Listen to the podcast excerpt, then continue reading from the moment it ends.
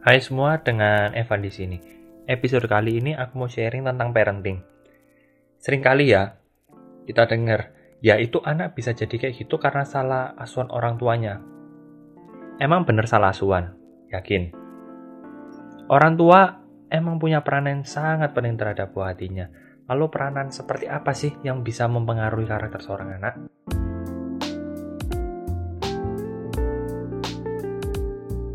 Pertama-tama aku mau bilang kalau parenting dan parent adalah dua hal yang berbeda secara makna.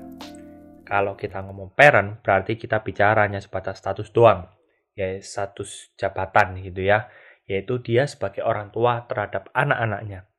Tetapi status tetaplah status. Bukan berarti itu bisa dijadikan seenaknya dengan kata orang tua. Karena tetaplah anak itu kan titipan Tuhan ya. Jadi sebagai orang tua, harus bertanggung jawab kepada Tuhan atas titipannya itu. Bukannya malah seenaknya sendiri dengan status orang tua yang dimiliki. Dan bukan karena status orang tua juga yang makan asam garam lebih banyak membuat mereka selalu benar. Apa yang dikatakan selalu benar, apa yang dilakukan juga selalu benar. Jawabannya adalah tidak. Tidak. Karena kita semua ini manusia, orang tua pun juga manusia, kesalahan tuh pasti bisa terjadi. Lanjut lagi. Kalau ngomong tentang parenting, itu adalah tentang bagaimana sikap menjadi orang tua yang semestinya. Bagaimana mendidik anak. Kita bukan bicara tentang seenaknya menjadi orang tua ya, tetapi lebih tepatnya bagaimana kita mendidik anak agar dia bisa tumbuh dengan baik. Baik itu secara emosional maupun secara karakter. Aku tahu mendidik anak bukanlah sesuatu yang mudah yang bisa dipelajari di sekolah dalam hitungan tahun, lulus, dapat sertifikat. No, nggak bisa begitu.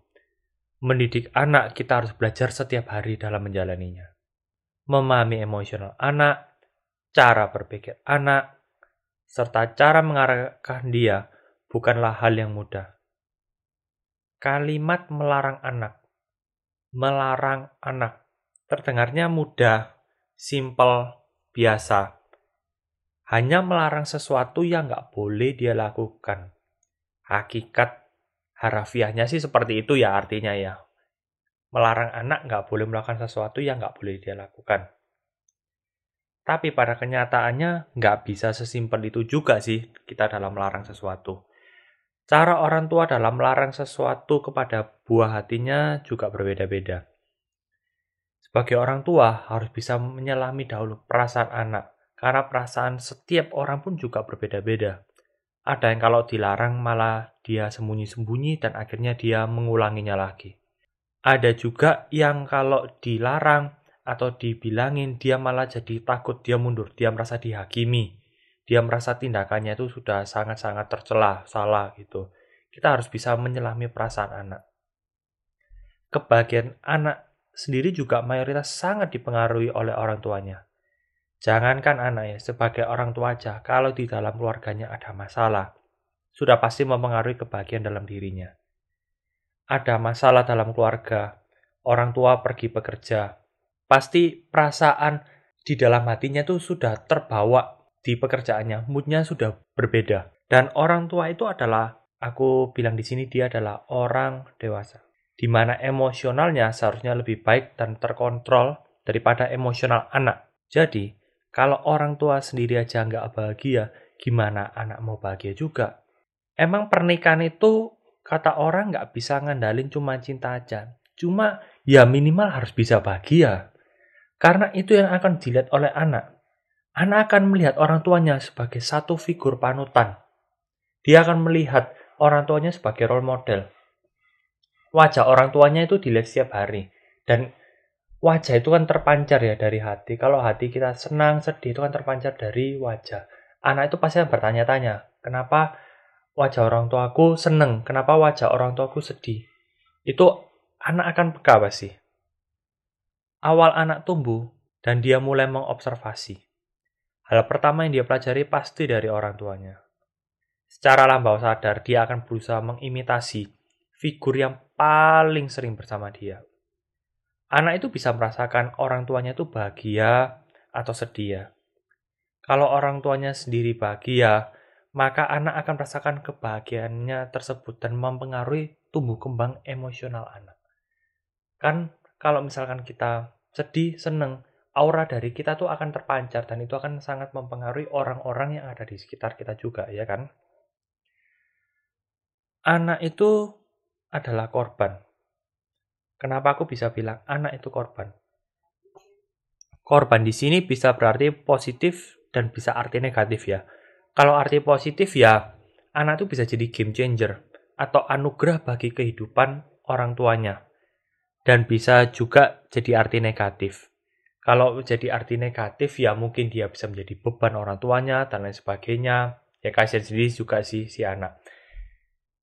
Anak juga nggak milih untuk lahir di keluarga mana kalau sebelum lahir dia bisa milih di pencet-pencet kayak di sosial media, ya pasti anak milihnya di keluarga yang baik-baik dong, di orang tuanya yang baik, yang bisa menyayangi dia. Dia nggak tahu lahir di keluarga yang secara emosional gimana, ataupun di keluarga yang secara finansial bagaimana. Apalagi aku kalau lihat ada bayi yang masih kecil ya, dia dari lahir udah susah. Susah dalam arti itu pemenuhan kebutuhan makanannya aja susah benar-benar kasihan sih. Di sini aku bilang bukan berarti nggak boleh punya anak ya. Cuma ya kita yang tahu kondisi kekuatan kita ya. Mental kita, kekuatan finansial kita, emosional kita, kita yang tahu sendiri. Kalau kita menghidupi diri sendiri, masih bisa nggak? Kalau menghidupi diri sendiri dan pasangan, masih bisa atau nggak? Naik level lagi. Kalau ada anak apa masih bisa kekuatan kita? Kalau anak kedua, anak ketiga, kekuatan diri kita, kita yang tahu sendiri. Itu semua harus dipertimbangkan dahulu ya. Jangan asal aja langsung punya anak. Finansial itu juga penting ya, karena mayoritas perceraian terjadi rata-rata karena masalah finansial. Ya, finansial itu bisa dikatakan fondasi terbesar dari rumah tangga lah ya. Finansial memang secara nggak langsung bisa mempengaruhi emosional, tapi ya memang seiring berjalannya waktu, dia akan mempengaruhi pola pikir kita, mood kita. Karena kan ya kita nggak nggak berbohong ya. Kita setiap hari hidup ini kan juga ya karena kita perlu uang juga ya. Dan akhirnya itu bisa mengubah karakter seseorang. Yang dulunya dia penyabar, lalu tiba-tiba bisa berubah jadi kasar. Oh ya, di sini aku nggak ada maksud ya untuk menyerang siapa pun, menyerang pihak mana pun. Aku di sini benar-benar hanya sharing apa yang um, menjadi buah pemikiranku aja dan pendapatku. Oke, nah gini, kalau semisal kita punya anak tapi nggak mampu memenuhi kebutuhan gizinya, apa nggak kasihan tuh anak? Mestinya minum susu agar dapat gizi yang baik, tetapi malah dikasih air aja. Mental sebagai orang tua dalam parenting juga salah satu yang terpenting selain finansial. Kesiapan sebagai orang tua adalah nomor satu dalam usaha mendidik anak. Penting bagi para orang tua muda saat memulai suatu keluarga dalam hal mendasar, apakah kamu siap untuk membangun rumah tangga? Bisakah kamu mengesampingkan kepentinganmu untuk orang lain, yaitu keluargamu sendiri? Kalau kamu belum siap dengan itu semua, ya lebih baik jangan. Oke, balik lagi. Anak itu nggak tahu ya lahir di mana, orang tuanya siapa, orang tuanya kayak gimana, minum susu apa. Pokoknya dia nerima aja gitu lah. Waktu masih kecil dia nerima. Seiring berjalannya waktu, efek domino akan semakin terlihat. Kalau dia melihat orang tuanya keras, dia bisa menjadi lebih keras atau malah menjadi lebih penakut. Kalau dia melihat orang tuanya saling pukul-memukul, dia akan melihat itu sebagai hal yang biasa. Kalau yang terburuknya sampai bercerai ya, itu akan menimbulkan trauma mendalam bagi sang anak. Dia bisa menganggap perceraian itu bukan hal yang tabu, atau dia jadi trauma akan pernikahan, atau apa pun lah. Karena kita tidak bisa tahu emosional anak, dan kita tidak bisa tahu pola pikir anak seperti apa. Karena setiap anak itu berbeda-beda tentunya. Anak juga bukanlah sebagai pelampiasan orang tua ya. Kalau orang tua lagi kesal hati, ada masalah apa pun, anaknya disiksa. Ingat ya para orang tua, dia nggak akan memilih kamu kalau dia bisa milih. Dan kalau kalian tidak siap dalam menjalani kehidupan rumah tangga, lebih baik nggak usah menikah atau bahkan punya anak. Jangan menikah karena kebutuhan atau karena menjadi jalan hidup atau kepepet umur yang sekarang sering terjadi. Tapi, menikahlah karena siap. Kalau kamu menikah karena kepepet umur, tapi nggak siap, kamu malah menciptakan tragedi baru. Anak itu nggak tahu apa-apa saat lahir ke dunia. Jangan punya anak karena keseharusan ataupun sebagai pengelanjut keturunanmu. Kalau kamu belum benar-benar siap dengan kehidupan yang sebenarnya. Perbaiki dulu hidupmu, karaktermu, mentalmu, kesiapanmu. Ibarat kata nih ya, jangan menciptakan kehidupan baru, yang di sini maksudnya adalah anakmu. Kalau kehidupanmu yang sekarang aja belum beres, kehidupan ini seperti buku kalau kata orang. Ada setiap chapter atau bagian dalam hidup. Jangan lompat ke chapter selanjutnya kalau kamu belum selesai menyelesaikan chaptermu saat ini. Dan bagi para anak yang kehidupanmu sekarang mungkin nggak sebaik harapanmu yang seperti di dongeng-dongeng ya.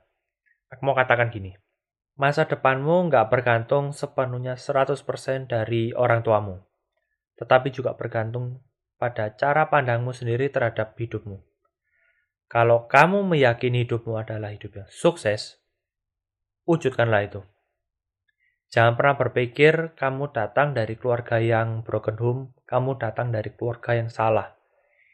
Dan itu akan berlanjut seperti tradisi. No, Lupakan pendapat orang lain yang negatif juga tentang kamu. Kamu tidak bisa memilih kamu lahir dengan orang tua seperti apa. Tetapi kamu bisa memilih esok kamu akan menjadi orang tua yang seperti apa. Sekian dulu edisi parenting bagian pertama ini. Kita akan lanjutkan lagi di episode podcast berikutnya. Aku Evan dan terima kasih sudah menarikan podcast ini. Salam.